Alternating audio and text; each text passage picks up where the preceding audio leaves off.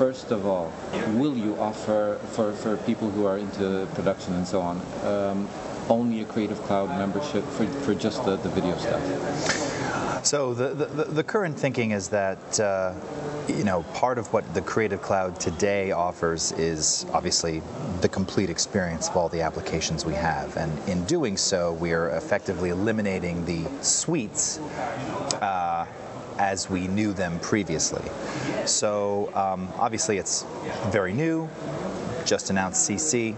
Um, at the moment, there's no current plan to bring any of that back. And as we mentioned here today, for people who want still the suite experience, the 10 or so applications and just the video uh, previous uh, uh, production premium, you'll still be able to buy those CS6 applications. But for the moment, the Creative Cloud is is everything. So, mm-hmm. and we're you know obviously being so early in the in the cycle here, we want to hear feedback. And I imagine if you know people continue to say, no, we need this, we would reinvestigate that as a possibility.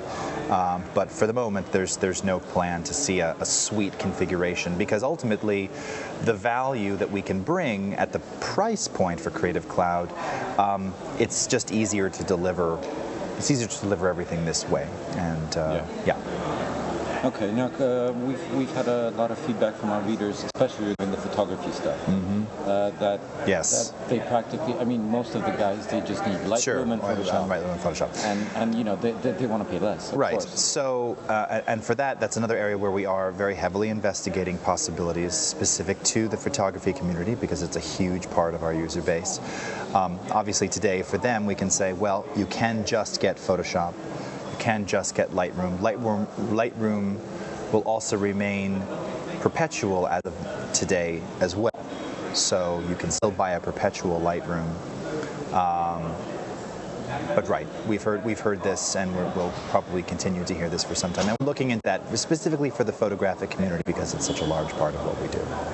But you still have the individual application subscriptions, um, and even with a single app subscription like for Photoshop, you know, you even get access to things like ProSite and yeah. other ways for them to share and collaborate. And again, that's just the the theme of the cloud is more than just the siloed application. So it's a it's a new way of thinking. It's a shift in thinking, but uh, ultimately we believe this is the direction we want to lead our customers. Do you have any idea uh, about the future? Of, of, especially Premiere and Audition. Yeah. so uh, and how so? Then so I mean obviously. I mean you've got the new ones out right now, but mm-hmm. um, do you have any plans? Uh, anything that you know that's going to be in the next version? Ah, well, I couldn't tell you that now. Could I? I'm, um, I'm going to yeah, yeah. No, so I mean, uh, you know, and one thing that we can say is, so in CS6, CS6 was a huge redesign, revamp for Premiere Pro. The interface, you mentioned interface changes.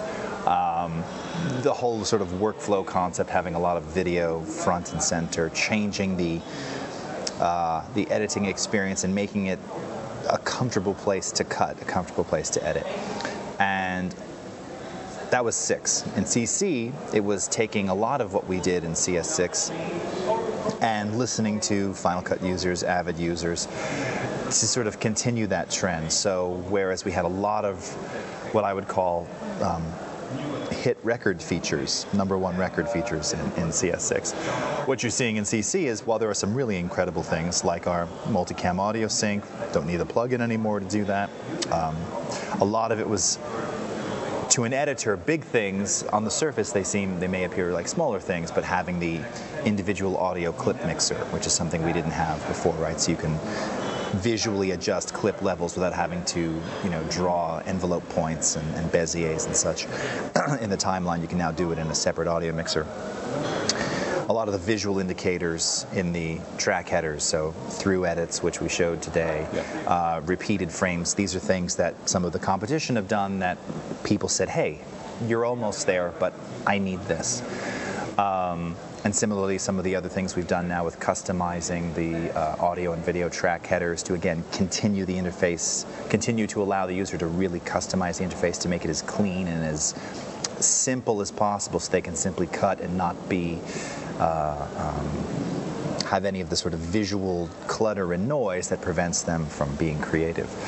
So I can say that you know obviously um, we're going to continue on that trend to continue to bring a lot of the the features that people have liked and loved from some of the other NLEs into Premiere. The other side of that, of course, is very heavy on the collaboration, cloud integration side, and you know we officially launched Adobe Anywhere, which is our collaboration without boundaries uh, software which ties directly into Premiere Pro, After Effects, and Prelude, uh, our ingest solution. And um, particularly in the broadcast and high-end production space, had a lot of requests for more of that and for more of these kinds of workflows. Again, editing cross-continentally and being able to collaborate in a very efficient way. Um, without being limited to you know disk space and uh, having powerful machines all over you know and this is one of the things that anywhere allows you to do is you can be virtually on any system and using our you know effectively off the shelf hardware you can be cutting 4k on a laptop and collaborating with someone else in another country and deliver that kind of content. So you're going to see more of that, I think, first uh, as we kind of continue to develop anywhere, and then um, you know just more more innovation in the video space. I mean, uh, we sneaked a couple of cool things at Adobe Max. If you happen to catch some of that with regard to audio, and you mentioned Audition. Um, you know, Audition is still a very integral part of the of the video workflow, and this time around, again, a lot of what we did in Audition CS6 was bringing some of the features that we'd lost when it initially came became cross-platform in CS 5.5. CC now adds a bit more finesse, so better track organization, more shortcut capabilities, just things to really optimize, speed up the workflow. Uh, track color coding, um, but then also some cool innovations like the sound remover and learning sound models and kind of expanding our what I would call the, the Photoshop portfolio of tools that we have for audio. Um, and these things, as we sneaked at Max, we now have this uh, new technology that we showed there, which could make it into some release at some point in time for uh, uh, waveform isolation.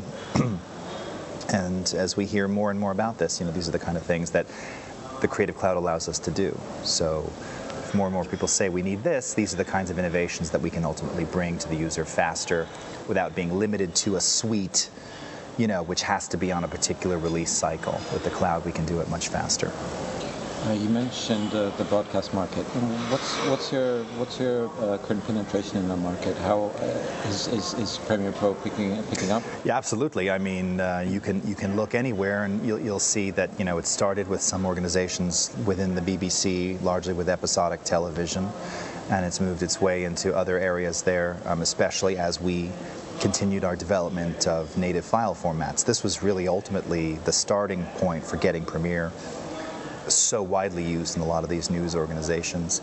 Um, all throughout the US, eh, Europe, and Asia, you're seeing more and more people adopting Premiere Pro as the solution simply because it's fast, it's lean, it now talks very nicely with Final Cut and Avid, and there have been a lot of changes in CC to um, improve Avid AAF exchange uh, as well as, as I mentioned today, now that we have native DNX HD, MXF, this is something that people have been asking for. Um, again, the Prelude solution, being able to transcode directly to these formats um, has really allowed us to to up level. So I don't I don't have a specific number for you. They could probably tell you better locally here, but. Um, it's now being it's it's it's been publicized that we're the we're the number one editor out there okay. and penetrating more and more every day. And the reason is because we integrate with everything that all these other news organizations use outside of video. So their design teams that use Photoshop and Illustrator, their web teams that, you know, that, that uh, the print teams that use InDesign and all these other apps, everything talks to each other. And now again, with some of the collaboration capabilities, where you have an organization where you might have reporters in one part of the world and editors in another, we're trying to eliminate those boundaries and those gaps. And I think that's what's keeping Premiere in the eye. And we're listening. We're going out to these organizations and meeting them directly and saying, how can we improve? What do you what do you need? What are we where are we lacking and where are we winning? And I think that in and of itself is what has enabled us to um, have a much greater penetration simply because we're being present. And I don't, I don't just mean us as evangelists or marketing, but um, you know, the engineers are visiting these these news organizations. They're, they're going out there and really understanding the broadcast workflows and trying to deliver a better product that works for them. Uh, regarding regarding audition, this is a question I asked uh, um, Adobe Poland a while back, and they mentioned that they're looking into it. Um, I know a lot of uh, podcasters use uh, Audition Yeah. instead of GarageBand or, Yeah. Mm-hmm. or uh, Logic and so on, um, because it's lean, like you said. Yeah. And are you going to add chapter support? Do, do you have any information on that? So no information on that directly. Um, it's interesting, actually, the, the sort of podcast market because it has, it's morphed a bit. It's changed, right? I mean, um, a couple of years ago, the sort of audio-only podcast was a very, very big thing. Yeah. And now, of course, people are, people are moving more towards the video podcasts and vlogs, which can still leverage the tool. So I can say that we're, we're looking into more and more of that. And again, this is another area, particularly on the audio side, where the more requests we get for that, um, you know, this is kind of what we've been doing over the last two, three years is really listening to customer requests. So if enough people said, hey, I need this, and you're almost there, um, you I know, mean, an excellent example. We uh, we have our own podcasts. Mm-hmm. We run them. We currently run them through GarageBand because Mm-hmm. because of the chapter support. I mean, our, our listeners want the chapter support. Mm-hmm. But we also do Hangouts through Google. Now, what I would like to do personally Mm-hmm. is to have this integrated. I, I want to be able to have a file where I have my video, I have my audio, Mm-hmm. and I can export a podcast or, or an AAC Right. file, M, uh, M4A file in this case. Um, and my video file as well, so I can put that up on YouTube. Right, right. yeah, so I, I, I think, you know, I think there's a good chance that we're going to see some of those things coming. Um, you know, obviously you do have you have marker support and other things Yeah. like that in Audition, but um, I think the development of that is also something we're trying to to to, to move forward with. Okay. Also, as we bring Audition and Premiere closer together, I mean, one of the things in CC is the the VST AU VST3 plugin engine is now supported in Premiere Pro as well. Um, so it's a full VST host, which is new for CC. Uh, and I think, and Premiere obviously has markers and chaptering capabilities that Audition doesn't. So I, I- think there's a good chance you'll see a, a coming together of those things over time. Okay. Uh, this is this is a kind of a personal thing. I mean, I've been using um, Sony Vegas for a while, but this was years back. Mm-hmm. Yeah. Over 10 years ago, I guess. Oh, okay. Uh, then I switched to Final Cut, and the old one it was fine. Yeah, Okay, It seven. Mm-hmm. It wasn't, yeah, it wasn't very user friendly in terms of the interface. But now I moved to um, 10. To 10, and the thing I found is it's easy. I mean, anybody can use it practically. They're still missing a, a, a huge load of uh, pro features. Right. But they're they're going to get there sooner or later. Now, what I found in Premiere, uh, personally, I find it hard to, to, to you know to switch over and start doing something. Um, a lot of the features or the option I need to search for them. They're either in the, in the, hidden in those uh, long lists of menus and they're under uh, the right um, right button or somewhere in the menu. Do you have any plans to sim- simplify that and make it simpler? Yeah. So, just in terms of the interface, Yeah, you mean? yeah, just the interface. Yeah. So this is again. Um, Because this is the the Dreamweaver part that got to me. I mean, Right. uh, the guys uh, I don't who was Paul. running. Paul was Paul, running it. yeah. Uh, he said that you know over over the 50, last 15 or so so versions of Dreamweaver that we finally realized that there's so much that we need to clean it up. Right. And that's that's great. Right, and and I think we've already seen that in the last two releases of Premiere. So the, the first thing was right buttons. I mean, when we were in the CS5 era and starting to penetrate some of those markets that were heavily uh, heavily loaded with Final Cut, every Final Cut editor said, "I go into your program monitor, I don't even know where the play button is because there's so many." So we added the button button editor customization customizable workspaces and panels. Um, we're absolutely moving towards that. Now, we do have the mapped shortcuts for Final Cut 7 and Avid in there as well. Um, we've changed and, and enhanced some of the searching capabilities and the editing capabilities in CC, so it's easier, faster to find. Ah, in Final Cut, it's Control Shift B, and you know this now you can find that what the equivalent of that is and modify it easier than you could before. Um, so yeah, this this is and this is exactly really what Premiere Pro CC was all about was the editing finesse, adding in a lot of those things, not just from the competition, but also from what people have said. Hey, I need to be able to do these five things much faster, and I need it to be clean and lean. And um, I think part of what the nice thing is with again, where sort of the sync settings come into play is you can create these workspaces and then they can be wherever you're editing. Um, will it be, you know, where it's just one one window and uh, you know a single timeline and kind of just drag it in and do I, you know, that I don't know.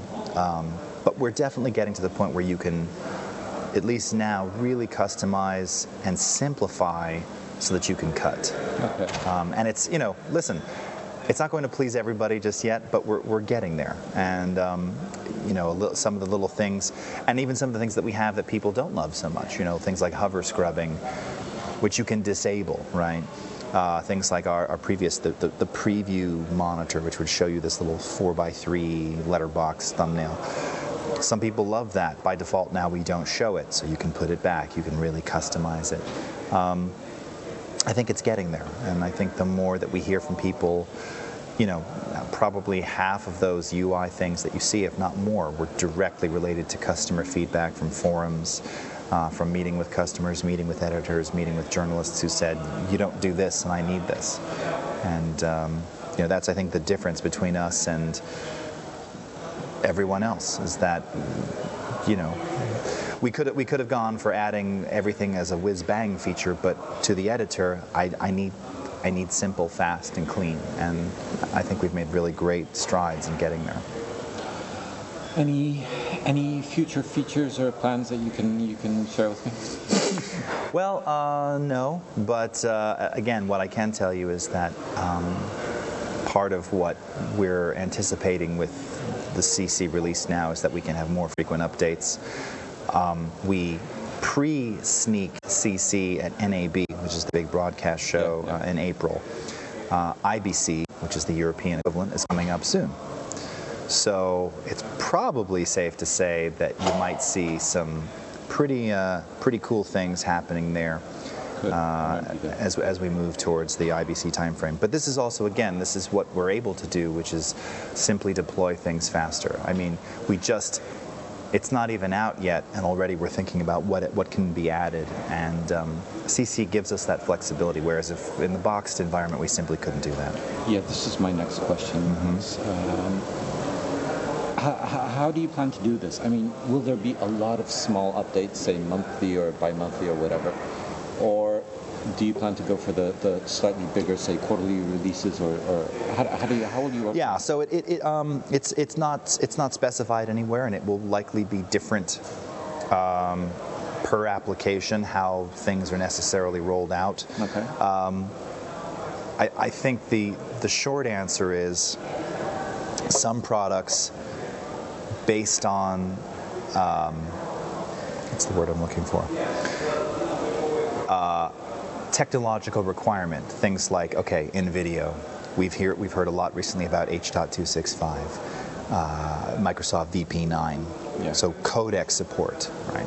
So as these not a surprise. We're testing all of these things right now. It's not in there yet because they're not out yet, but we're you know we're actively working towards getting these things in. So things like that, when they're when they're out and they're available to the masses, and we can make them available after lots of testing and, and all this stuff, we'll make them available. So we're not really, you know, the, the flexibility is we're not timed to having it every six months or once a year. And because we're not dealing with the box and putting the collateral in the box and putting the feature list on the box, it doesn't have to be, you know, Premiere can have a separate set of updates as, as opposed to After Effects as opposed to SpeedGrade. So, um, but again, it's sort of techn technology dependent. Um, uh, other things, you know, in the web space, it's rapidly evolving so much that there's a good chance you'll probably see over time, you know, more things coming to those apps simply because of the nature of the market, right? I mean, video is changing rapidly too, but not quite as rapidly as the HTML5 world and all of these things and all of these new web standards that seemingly seem to be changing every month. Um, so, and I, I, imagine, and we've kind of loosely talked about this, you know, a lot of people have asked, is there going to be a published schedule of when updates will happen? Not at the moment, um, but we're still at the beginning. And I think it's going to take us a little time to figure out where the comfortable spots are. But as I said, some applications I think you'll see will update more frequently than others simply because of the needs of what's happening. You know, if you take, for instance, mobile devices, Exactly. Right. I imagine I can change the. Sure, I mean, and, and having presets for those. Uh, you know, in in CC now, in in Media Encoder, for instance, you know, we've got preset support now for all. You know, iPhone, iPad, all the way up to version five, including 4S. You've got Nook in there. You've got Kindle, Kindle Fire HD. All of these are things which, some of which a year ago when we were at CS6 didn't happen. And we started releasing certain presets, which you still had to download manually. Now you'll just get them. You know they'll be they'll be incremental. So yeah i think it'll it'll it'll just depend on you know sort of what what's happening around us. And that's um that's one of the nice things too is that as we're able to sort of develop these things and get them ready we can deploy them sooner. And uh, uh, it's just a, a level of you know it's all it's all new ground for everyone you know this it's funny how when we've talked to people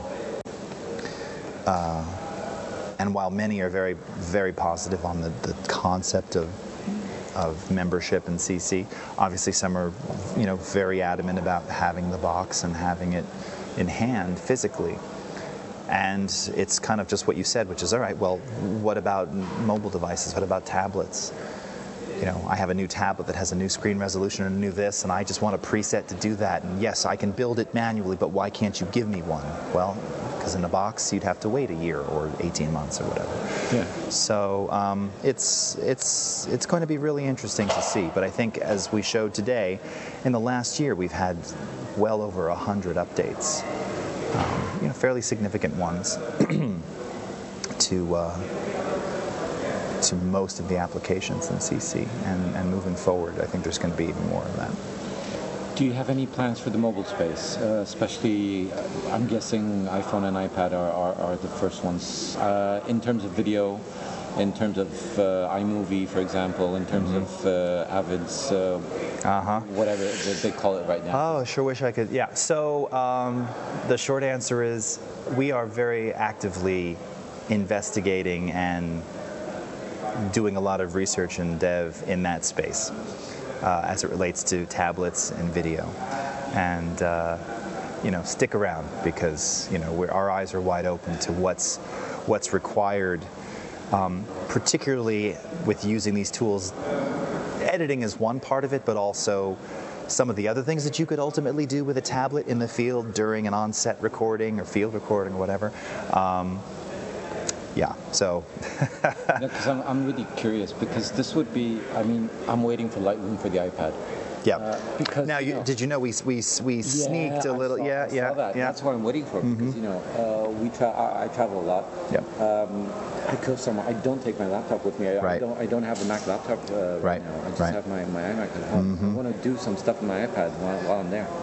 Yep. And uh, you know, doing the same thing for video would be really cool. So, uh, ah, so hard. Yeah. Yeah. um, we're we're active we're actively looking into this, Okay. and uh, you know I think yes. So you saw you're aware of the Lightroom sneak. You know, um, it's a reality that we're all living in, and you know, two years ago, a lot of people said, "Ah, you'd never." Who's going to do any kind of color correction on a photo and a raw image on a tablet? You know, it's so slow and blah blah blah, and the screen resolutions were so limited. Yeah. You've got the resolution. Now you've got the resolution, you've got this, quality. you've got the quality, you've got the, the processing power, Yeah. and a lo- again, a lot of times that where the technology is at that moment in time dictates what we can do. So um, stick stick around, stay tuned with what we're doing with that. I mean, you already saw a piece of it shown on the, the Scott Kelby show there. Yeah. Um, you know, we're heavily looking into this space and really trying to leverage the most that we can out of tablets and mobile devices. Do you think there's any chance? Um, I mean, I don't know how this would work, but is there any chance to get the, the mobile apps uh, as part of Creative Cloud in the future? So the issue with uh, yeah, the issue with the, the mobile apps is that obviously we're it, we can't sell, for instance, an app for the iPhone that doesn't go through the App Store Yeah. because of deployment. Uh, similarly with the Android marketplace, But it's I know the newspapers in that industry. They, they have the subscription thing. If you if you're a paper subscriber, Right, right. So, and it's um, I don't have a, an exact answer for you there. I mean, this is this is something which yes, we hear hear quite a bit about, um, and uh, you know, I don't I don't know the exact legal reasons. Also, it, it differs internationally with with I, the App Store and right and accessing these different stores in different Yeah. regions of the world. So that's why today they're separate. Um, I don't know when or how that may change, um, or potentially in the future, if your cloud membership, perhaps you were, you know, perhaps you'd receive a code which entitled you to down, you know, similarly to the, you know, an iTunes gift Yeah. card kind Yeah. of a thing, right? Oh. And, uh, Yeah, that, that, could be good. I'm not saying that's what we would do, but Yeah. that's been mentioned, and, and perhaps something like that could be how that would unfold ultimately. But today, yeah, they're they're they're still separate because of some of the some of the limitations we're facing with the actual delivery of the of the apps themselves. I have one more personal question. Yes. Regarding TypeKit. Okay, not sure I can answer that, but I'll try. I, I, I kind of realize that, but uh, maybe you will. In the Creative Cloud subscription, you get uh, the basic $99 TypeKit. I think that's the $99 per year. No, no, No, no, that's no, no. That's the $50 per year. No, so you're getting you're you're get well, you're getting access to 675 plus minus fonts But, approximately, uh, which is approximately twenty-five thousand dollars in Yeah. font families. What I, what I found, I mean, on the TypeKit site, um, it says that th- there's there's a few uh, pricing price points. Mm-hmm. One of them is the basic the basic plan or the, the, the main one, the most popular one, is forty nine dollars per year. Mm-hmm. Okay. And that gives you uh, five hundred thousand page views if you use the fonts on the, on the web. Um, and then there's a higher one which is unlimited, and Mm-hmm. Right. that costs ninety nine. Right. On the Creative Cloud page, it says Right. you get the $49 TypeKit uh, as part of the Creative Cloud. Do you have any idea what the upgrade pricing is if uh, I wanted to go to the full unlimited one? I'm not sure about that. That I don't. Yeah, I'll, sorry. I'll, I'll yeah. talk to Camille about that. Okay, yeah, sorry, I don't know the, the answer to that. Um, and there's, I can tell you that you do have a lot more flexibility as a Teams member with Typekit fonts because there's been a lot of questions about right usage and views and displays, and it's it's a very flexible deal when you're in the team program. I don't know how it affects the individual pricing and what kind of upgrading upgrade path you would need uh, for the Typekit fonts. How compatible is uh, CC with uh, CS6 and CS 5.5, for example, in terms of the collaboration that, that, that uh, you guys demoed today? Yeah. So, um, well, it depends. I mean, so ultimately, there is no collaboration in really six or five, 5.5, as it relates to CC. Yeah. File format wise. Um, yes, you would be able to. So a, a PSD with layers created in 5.5 or 5.1. Technically, there was no Photoshop 5.5. Yeah, yeah. In 5.1, um, you'd be able to, assuming you were working with someone who had Photoshop CC, they'd be able to share it, comment, collaborate, view layers, etc. There's no difference there. Okay. Um, similarly with Illustrator files, similarly with InDesign files, Okay. um, we'd still be able to, in an InDesign file, for example, we'd be able to see the typekit fonts that were used in there. We'd be able to sift out all the relevant metadata, um, and you could certainly share it back uh, but of course, something created in InDesign CC may not necessarily open in CS5.x, right? Yeah. So in terms of backwards compatibility, and that's and that's and you know we do have save back options, I believe, in InDesign in After Effects as well. You have a save back to one to one version for that for that specific purpose.